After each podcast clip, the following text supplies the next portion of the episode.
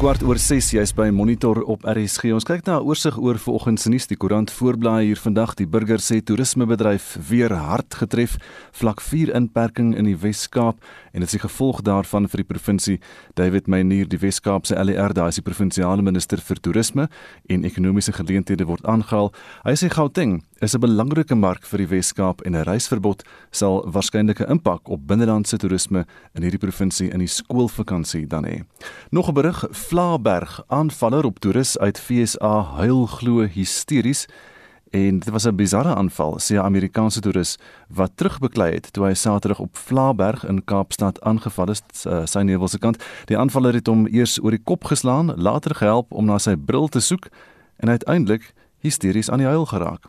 En is die 33-jarige Eric Gsleger, suits van uh, Los Angeles in Kalifornië, wat daar aangehaal word oor die vreemde aanval op Vlaaberg waaroor hy praat. Daar was koud in die Kaap ook gister, dis 'n berig wat sê koue in Kaap kniehalter Eskom, die storm, die front en die reën en die koue wat daar verby is en pikkewyne kry sokkies, maar nie verkoue. Daardie storie is in die burger. Die voorblad van beeld vanmôre OVK oor munisipale verkiesing grondwet hof moet dalk beslis ons berig ook daaroor vanoggend hier op monitor Mosenetjie se kommissie oor oor die impak van die pandemie op die plaaslike regeringsverkiesing hier aan die einde van Oktober verjaar. Nog 'n berig albei van kampus op pad na Ouerhuis en dit is 'n tragiese storie. Noordwes Universiteit rou nadat twee studente van die Potchefstroom kampus die naweek in motorongelukke gesterf het. Johan Miller en Vuyokazi Dlamini. Die digitale voorblad van Volksblad, Zander Builsma kry bloedneus in die appelhof en hy probeer al wat hy wat wat werd is daar om oor al hierdie regshekkies te kom om appel aan te teken teen sy skuldigbevindings, maar hy het oor nog 'n hekkie gestruikel in sy pogings om homself te verontskuldig weens die wredemoorde op Charnel Houg en Marna Engelbrecht. Die voorblad van Business Day vandag Ramaphosa uh, lyk dit uh, is op pad om Zweli Mkhize eenvoudig af te dank oor hierdie multimiljoen rand se tenderskandaal met Digital Vibes. En dan kyk ons ook na wêreldnuus op bbc.com Ethiopië verklaar 'n eensydige skietstilstand in Tigray.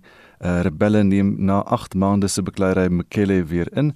En daar was 'n aankondiging daaroor op die staatstelevisie in Egipte gewees en dan uh, is hier nog steeds nuus van daardie gebou wat in Miami in Florida ineengestort het. 150 mense is nog steeds vermis. Die mense sê hulle hoop daar op 'n wonderwerk. En die VN Menseregte Hoof vra vir vergoeding vir rasisme uh, teen Afrikane en diegene van Afrika herkoms. En is dan net so vinnige oorsig oor vanoggend se nuus. Intussen sit Estie reg met die oggend se SMS vraag.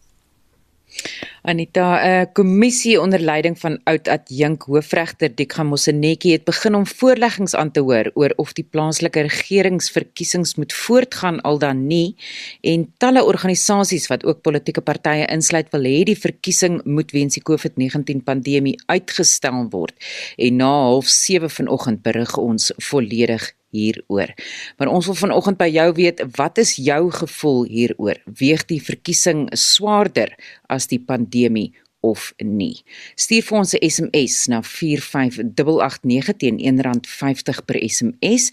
Versel saam op ons Monitor en Spectrum Facebookblad of stuur vir ons 'n stemnota na 076 536 6961 1. Daai nommer is 076 536 6961. En ons het ook al terugvoer ontvang en Eunice van Wyk sê daar is geen rede waarom die verkiesing nie kan voortgaan nie met behoorlike toepassing van COVID regulasies nie.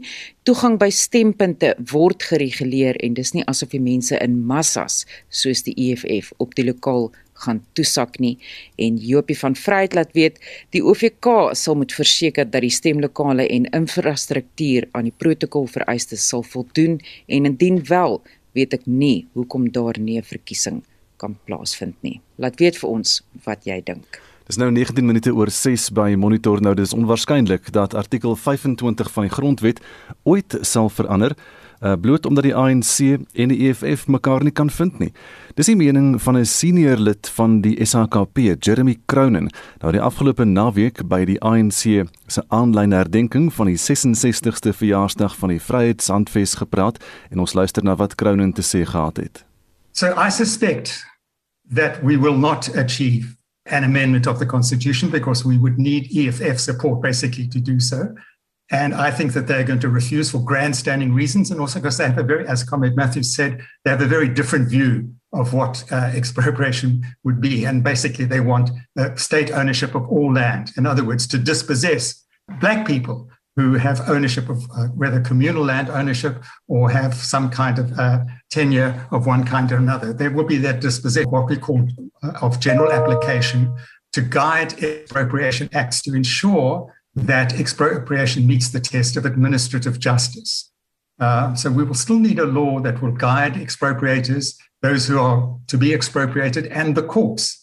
And that's why, in my view, even if there's a failure, I know that there's an ANC resolution to amend the constitution to allow for uh, uh, expropriation without compensation. I believe that the that can be done in any case with the way in which Section 25 stands, because you know in some cases there could be nil compensation. The SACP fully supports the ANC's commitment to diverse forms of tenure security, which would include a public or state, if like, including municipal ownership of land, communal forms of land ownership, cooperative forms of land ownership, and indeed also uh, private forms of ownership. And in our view, those different forms don't stand in the way of a thorough, radical transformation of the land realities in our country. Die stem daarvan Jeremy Cronin by die 66ste herdenking van die Vryheidshandves en dit was dan hy se senior lid van die SAKP.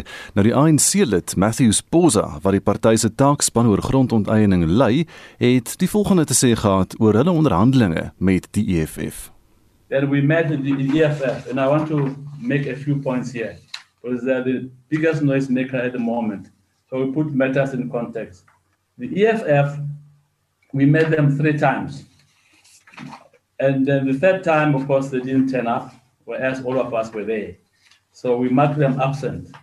They don't even mention this in the noise they're making that they failed to turn up at the meeting. They have not given us any, any good reason why they're not turning up. The issues, you know, because I don't have enough time, which they are raising, is the issue around expropriation and without compensation. The issue around what is compensation? Can it be nil or not? Now, their view is basically saying it's nationalization, full stop. There must be no compensation. But if you look at Comitabo's document going forward, and we agree with him, is that whatever you do, you should respect the economic space. You should not destroy the economy. You should not discourage investment. You should not you should not destroy the agricultural land. You should not create food insecurity. All those precautions. They don't care about any of those things. They say all land must be uh, in the custodianship of the state. Die stem daarvan Matthew Sposa wat die ANC se taakspan oor grondonteiening lei en ons praat vanoggend verder hieroor met 'n politieke wetenskaplike van die Noordwes Universiteit Dr Piet Kroukamp. Piet, goeiemôre. Uh, goeiemôre Gustaf. So hoe verskil die ANC en die EFF nou in hulle benadering tot hierdie grondkwessie? Wel, uh, ek moet ook sê ek verlaat nou baie op my uh, kollega Elmien Du Plessis se argumente wat ja. in die media gevoer het die afgelope ruk en dis uh, baie eenvoudig die EFF het nog altyd daarvoor gestaan dat daar 'n uh, voogdyskap van grond moet wees. En Dalium Polfo dink ek uh, so sy ook aangedui het en my verwar baie keer nasionalisering en voogdyskap mekaar. Daar's waarskynlik baie in die EFF wat dink dat dit dieselfde ding is. Met ander woorde, die staat neem besit van alle grond is die argument, maar met voogdyskap neem die staat juis nie besit van alle grond nie. En jy kan terugverwys na die minerale wet byvoorbeeld uh waar die staat eenvoudig noem dit net maar die die die die die minerale uh beheer uh vir die huidige vereistes van die samelewing maar ook vir die vir die toekomstige vereistes van die samelewing vir die nageslag as dit ware. Uh en dit is nie dieselfde ding nie. Die ANC uh, uh het staan wel voor dat daar nul kompensasie moet wees maar soos wat uh, uh Jeremy Crown daar uitgewys het en dit is ook al verskeie keer uitgewys het. Dit is weet uh, moontlik binne die bestaande wet. Die EFF wil baie baie graag die grondwet wysig.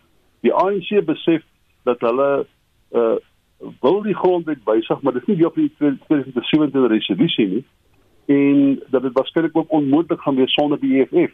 En ek dink dis waar die situasie nou ons van die twee partye is eenvoudig te ver van mekaar. Thabo Mbeki het hom baie duidelik daarteen uitgespreek. Uh die president het hom 'n maand gelede ook teen voogdyskap uitgespreek op die manier wat die ANC dit ag die EFF dit voorsien. En Jeremy Crowder bevestig nou maar net wat ons almal reeds uh, geruime tyd weet en dit is dat die twee partye is nou te ver van mekaar af om 'n kompromis aan te gaan. En die ANC kan natuurlik nie op sy eie, hy het nie genoeg steun om hierdie grondwetwysiging te kan deurvoer nie. Hulle het albei daar verwys na na Thabo Mbeki en Cyril Ramaphosa. Waaroor gaan dit spesifiek? Wel Thabo Mbeki het 'n stuk ek dink 50 bladsye lank geskryf waar hy die argument voer dat voogdyskap was eintlik nog nooit ek dink eh, soos die presies my gesê het va, eh, neem dit terug na die 1950s toe. Voogdyskap was nog nooit deel van ANC beleid gewees nie. Uh en uh Ramaphosa wat op hierdie stadium uh, is hom baie belangrik om 'n beleggingsklimaat te skep en ek dink 'n bietjie daarna verwys dat jy kan die waarskynlikheid van investering in die Suid-Afrikaanse ekonomie kan jy wat wat vertroue betref en dis die belangrikste ding van van van investering ja daar moet vertroue wees oor die bestendigheid van wetgewing uh, en die bestendigheid van beleid. Wat vertroue betref, kan jy dit eenvoudig nie bekostig dat daar die indruk geskep word dat mense bates kan uh, bekom en dan uit, uiteindelik nie besit werklik daarvan nie of dit kan met die tyd vervreem word deur of voogdyskap of uh, nasionalisering. En altyd dit daarop gewys dat dit nie moontlik is om 'n uh, weet 'n beleggingsklimaat te skep of vertroue te skep in die Suid-Afrikaanse ekonomie indien voogdyskap soos 'n stomp instrument toegepas word. Dis op dieselfde wyse wat nasionalisering. Onthou net die meeste mense in die buiteland of mense wat kapitaal belê of kapitaaleienaars maak nie 'n breë intelligente onderskeid tussen voogdyskap en nasionalisering nie. Hulle is uiteindelik maar dieselfde ding. Soos wat dit beteken vir baie mense in Suid-Afrika is wat nie werklik die regskonsepte verstaan nie en ek beteken ook nie heeltemal nie, maar dis hoe dit is. So wat is die implikasie van hierdie kwessie nou vir die ANC se beleid oor eiendomsreg en die vertroue wat hy moet hê soos jy nou sê van internasionale maatskappye byvoorbeeld oor oor die beskerming daarvan? Die ANC gaan nie soos die Engelse sê they will kick the can down the road. Hulle het 'n beleidskonferensie volgende jaar teen Junie Julie maand uh hulle gaan die ding daar probeer herformuleer. Daar gaan nie 'n wysiging nou in die grondwet wees nie. Die nadeel van die ding is, is dat die dat die, dat die gesprek oor grond gaan nie weggaan nie. Vir boere dit baie spesifieke implikasies dat jy kan vir die volgende paar geslagte nog uh, op 'n of ander manier getuister word deur uh, vraagstukke rondom die besitreg wat jy het op jou grond. Mens sou graag wil gehad het dat indien daar nou 'n wysiging is, dan gaan die grond uh, vraagstuk gaan nou weg en dit word op so 'n manier bestuur dat swart sertifikateurs uiteindelik regmatige grond toegang kry tot grond, eienaarskap kry tot grond of in bepaalde gevalle waarskynlik noem dit maar soos in die geval van communal land minstens behoorlik goed gereguleerde voogdyskap van grond of weet uh, binne daai konteks van voogdyskap uh, toegang kry tot grond. Mense graag wil gehad dat die grondkwessie moet nou in die bed gesit word. En uit beide gaan dit nie nou gebeur nie. Dit gaan in die volgende beleidskonferensie toe. As ons gelukkig is dan word uh, sou hulle 'n pause vir 'n tweede termyn verkies en jy kry op 'n of ander manier 'n vorm van bestendigheid rondom die vraagstuk. Maar nou as dan nou 'n ander president naam verkies word, kan die ding weer opgerakel word en dit kan weer 'n kwessie word eienaarskap van grond. Dis nie iets wat maklik gaan weggaan nie behalwe as dit so bestuur dat daar uh, redelike vaste beginsels daaroor is wat die grond be vasgelees en dat swart Suid-Afrikaners sien dat daar inderdaad behoorlike grondhervorming plaasvind en hulle toegang tot grond grond op 'n demokratiese manier. Uh soos wat nou gaan gaan die kwessie natuurlik nie weggaan en dit sal nog kan nog 'n geslag of 2 of 3 kan dit nog uh, Suid-Afrikaanse grondeienaars en uh, weet op 'n manier tuister. Piet baie dankie vir die gesels oor grond vanmôre Dr Piet Kroukamp is 'n politieke wetenskaplike van die Noordwes Universiteit. Sakeliga sê die regering se reaksie op die COVID-19 pandemie kom neer op die sentralisering van risikobestuur.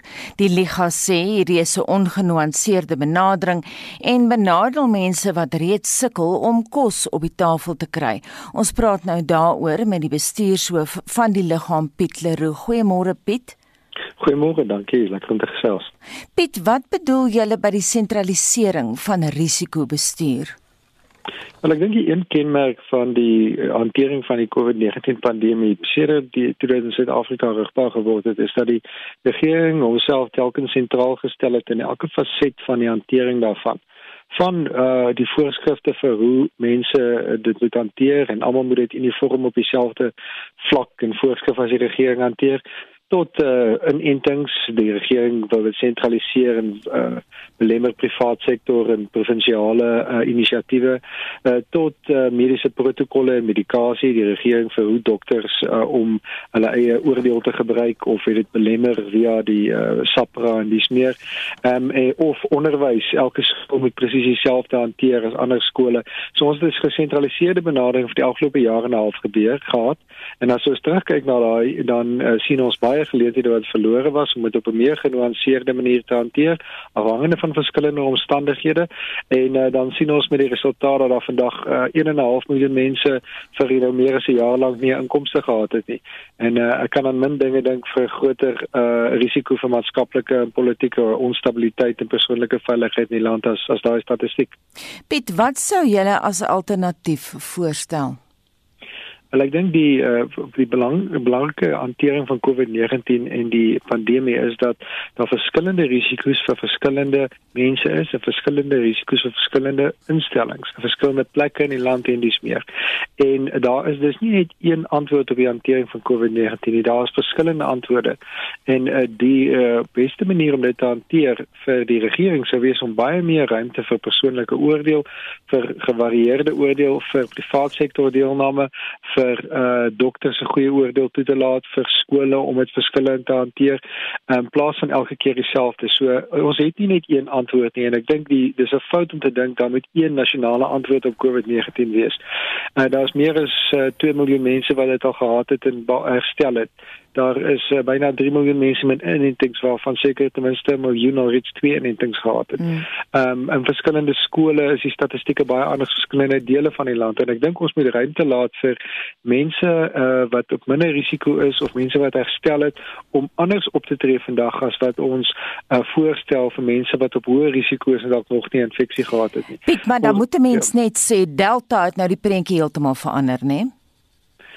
Uh, ek dink Delta um, en en dit sal ek aan medisy laat om vir ons soos wat uh, data beheer en meer duidelik word hoe Delta werk vir vir, vir ons tot inligting te bring maar ek dink Delta verander nie die beginsel dat na jare en 'n half van gesentraliseerde benadering ons moet begin toelaat vir mense om verskillend op te tree. Ek, ek ons sit met uh, 2000 mense in intensiewe sorg landsuit op die oomblik. Ons sit met 1 en 'n half miljoen mense wat nie werk gehad het vir meer as 'n jaar nie.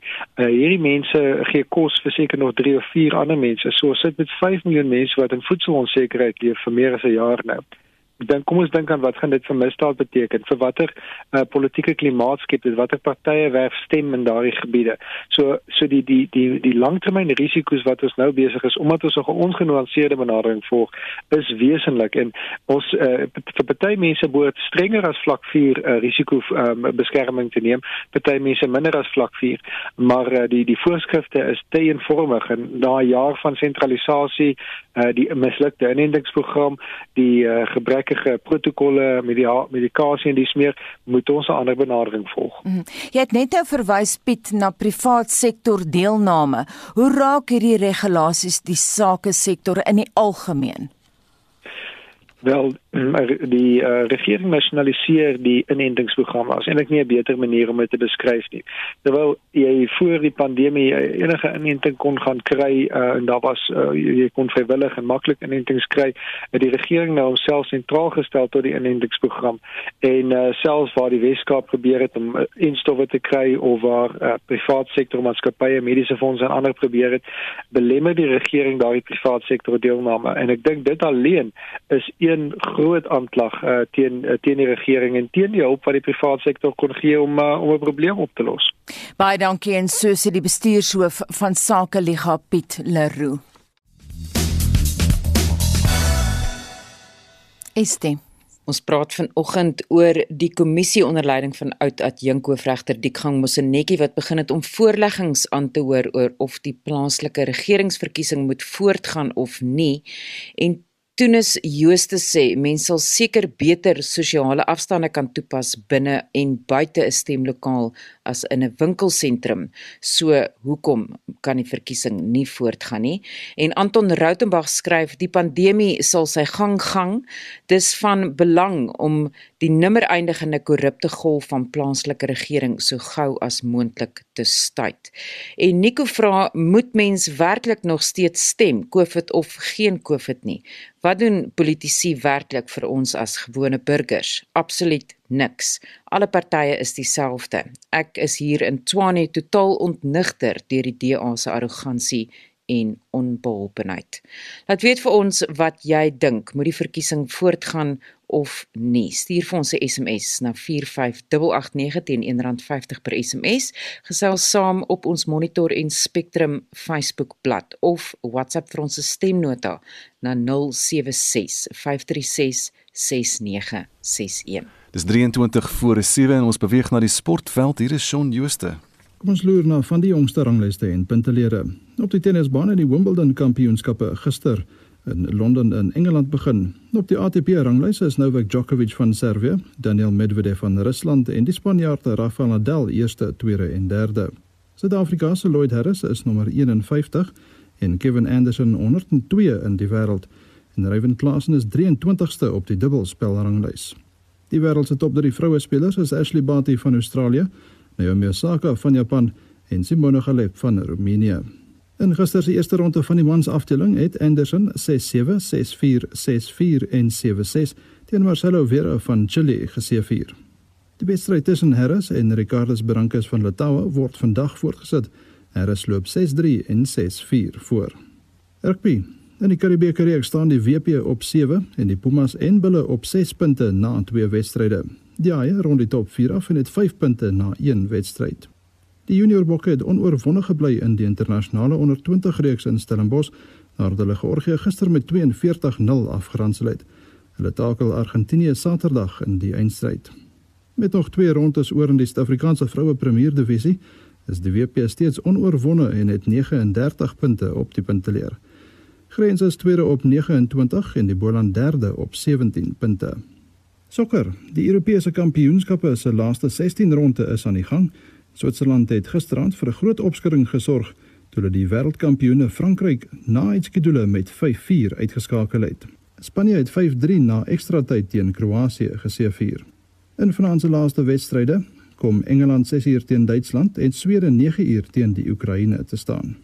In die Copa America toernooi in Brasilië is Argentinië en Uruguay op 10 en 7 punte die voorlopers in Groep A en Brasilië en Peru op 10 en 7 punte die voorlopers in Groep B. Fietsry. Die 2021 Tour de France het oor die naweek begin en drie skofte is reeds voltooi. Matthew van der Poel van Nederland is die algehele voorloper en is 8 sekondes voor die plaaslike Julien Alaphilippe en 31 sekondes voor Richard Carapaz van Ecuador in die derde plek. Suid-Afrika se Louis Mentjes is 33ste, Stefan de Bot 50ste en Nick Lamini 139ste. Motorsport. Op die Formule 1 punteleer is Max Verstappen van Nederland die voorloper en het 156 punte agter sy naam. Die Brit Lewis Hamilton is tweede op 138 en die Meksikaan Sergio Perez derde op 96 punte. Op die vervaardigerspunteleer is Red Bull die voorlopers op 252 punte, Mercedes is tweede op 212 en McLaren derde op 120 punte. Op die MotoGP punteleer is die Fransman Fabio Quartararo die voorloper en het al 156 punte agter sy naam. Hy word gevolg deur sy landsgenoot Joan Zarco op 122 en die Italianer Francesco Bagnaia op 109 punte. Suid-Afrika se Brad Binder is 9de op 60 punte en sy broer Darren is 6de op 69 punte in die Moto3 afdeling. Laastens in die golfwêreld bekleed die Spanjaard Gon Ram en die twee Amerikaners Dustin Johnson en Justin Thomas die eerste 3 plekke op die jongste mansranglys. Suid-Afrika se top 3, Louis Oosthuizen, Gary Kigo en Christian Besaidnout, sak elkeen hierdie week met een plek terug na 13de, 39ste en 47ste onderskeidelik. Die Amerikaner Nelly Korda is die wêreld se nuwe voorste vroue speler na haar oorwinning by die PGA Kampioenskappe. Chen Yanko en Inbi Park van Suid-Korea is nou tweede en derde en Suid-Afrika se Ashley Buy bly 76ste. Shaun Schuster, SAK Sport. Die nasionale kieserregistrasie naweek wat vir 17 en 18 Julie beplan is, sal waarskynlik saam met die ergste deel van die derde golf van die pandemie val. So waarsku Dr Aslam Dadoo van die Progressive Health Forum wat 'n mondelinge voorlegging by die Moseneke kommissie gedoen het. Die ondersoek wat van dese week openbare verhore hou, wil vasstel of verkiesings wel op 27 Oktober kan plaasvind. Die hoofkiesbeampte, Sai Mama Bolo het die verrigtinge begin. Dadoo sê die aanloop tot die verkiesings is vol uitdagings.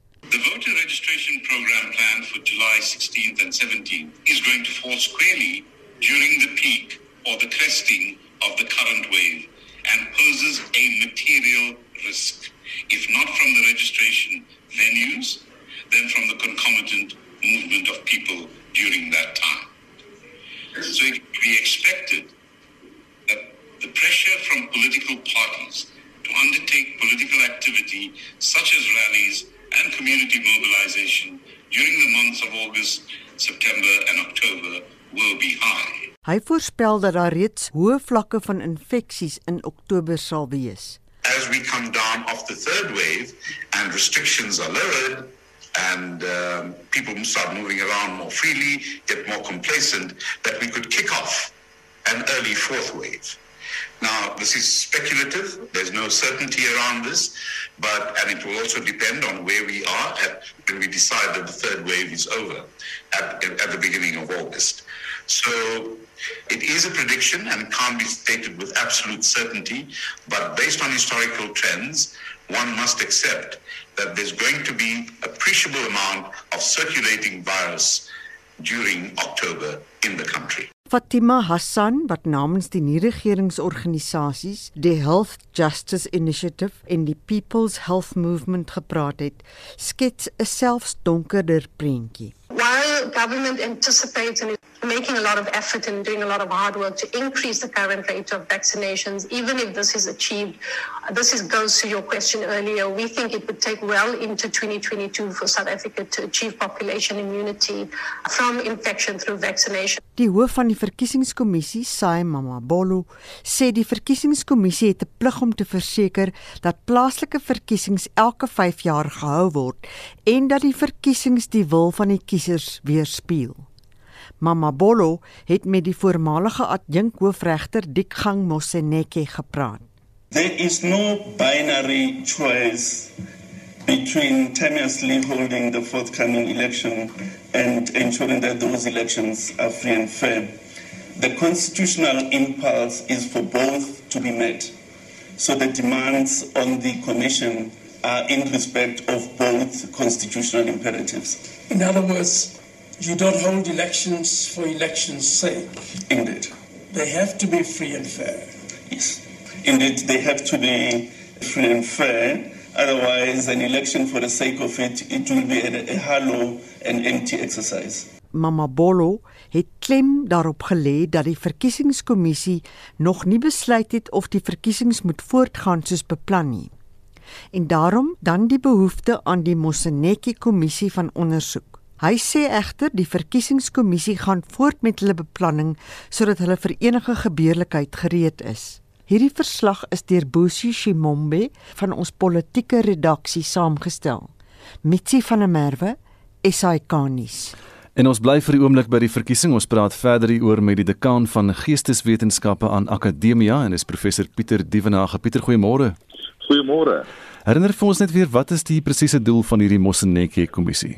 Wel, dit is verlede donderdag aangekondig deur die voorsitter van die onafhanklike verkiesingskommissie, meneer Glenn Mashinini, en uh, die kommissie het nou die taak uh, onder leiding van oud ehm um, konstitusionele regter Dikgang Mosenetjie om teen middel Julie ehm um, 'n 'n verslag uit te bring oor of die verkiesing wat uh, aangelê is vir 27 Oktober hierdie jaar kan plaasvind. Dis natuurlik die plaaslike ehm um, regeringsverkiesing wat 'n baie belangrike een in Suid-Afrika is en wat uh, oudregter Mosenetjie nou moet doen, hy moet nou uh voor sy kommissie wat nou baie kort gaan wees, né? Nee? Dit is net so 2 of 3 weke, jy weet, Gustaf oor 'n baie belangrike kwessie.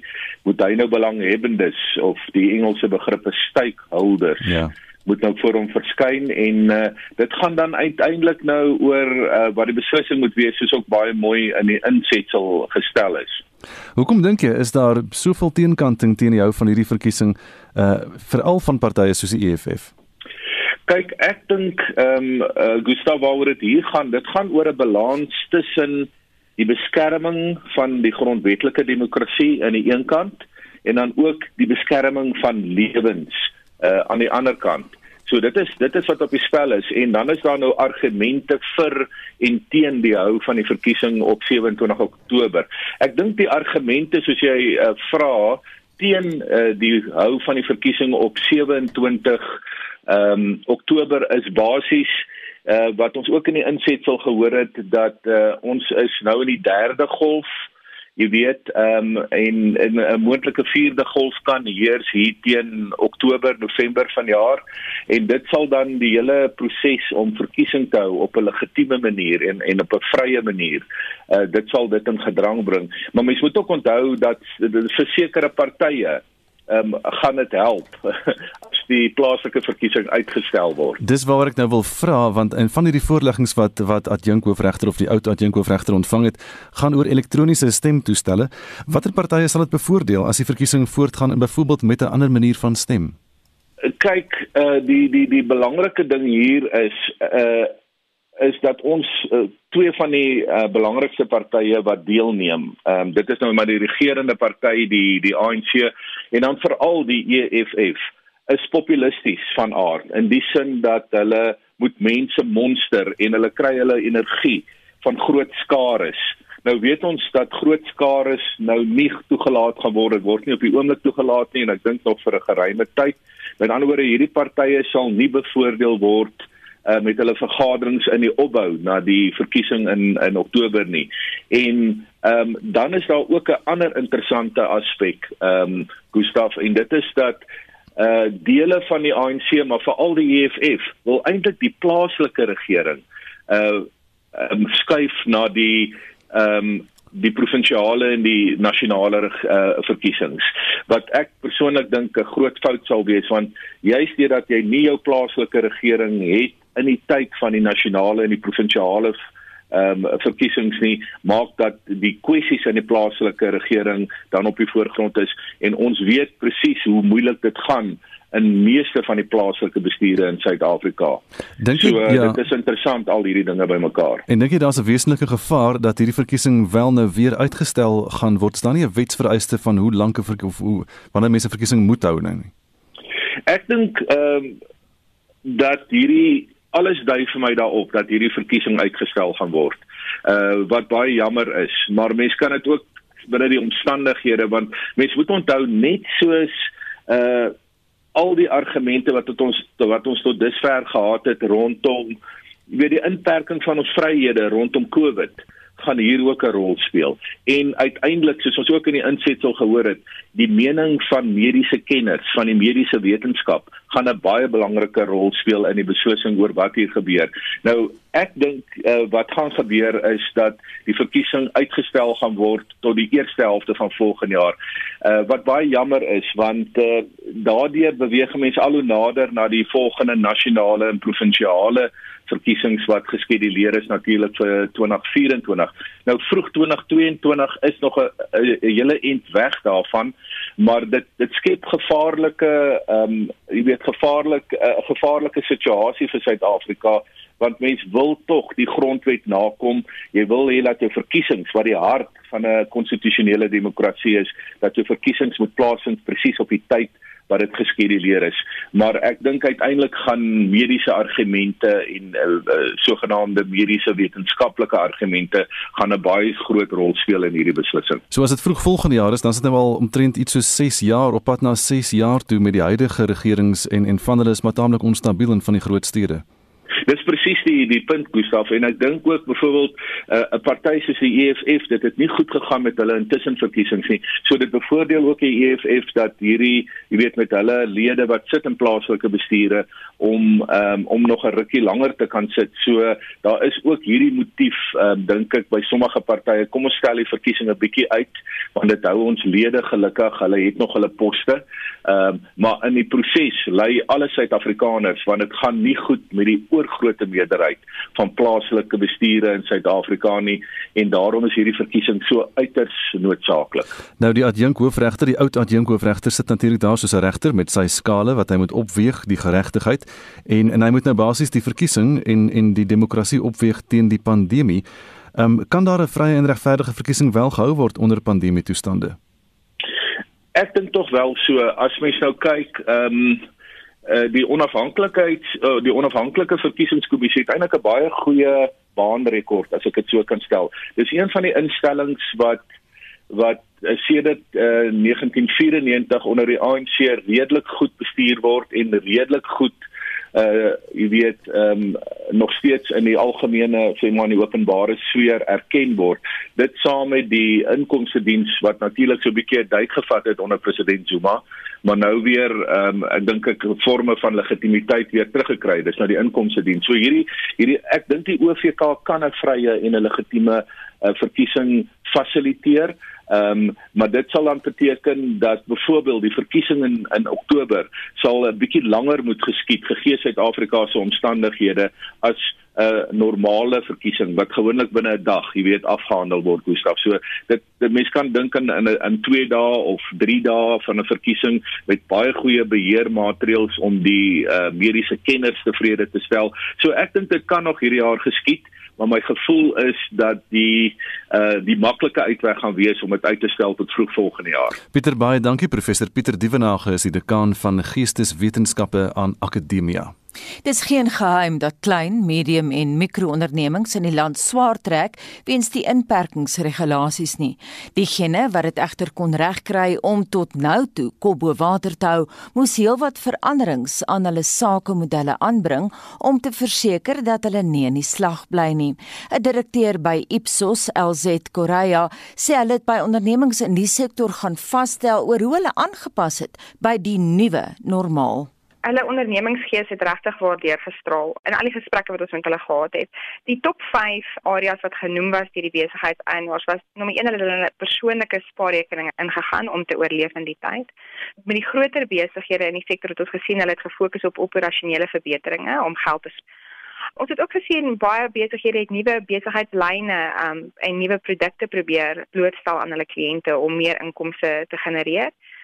'n interessante een is dat hulle genoem het een ding wat hulle geleer het uit die pandemie is dat hulle nou baie minder personeel wil aanstel maar meer personeel met wat meer ervaring het en dan 'n baie interessante een is wat 'n groot skuif gesien dat baie van hulle begin digitaal bemark om te oorleef in die tyd.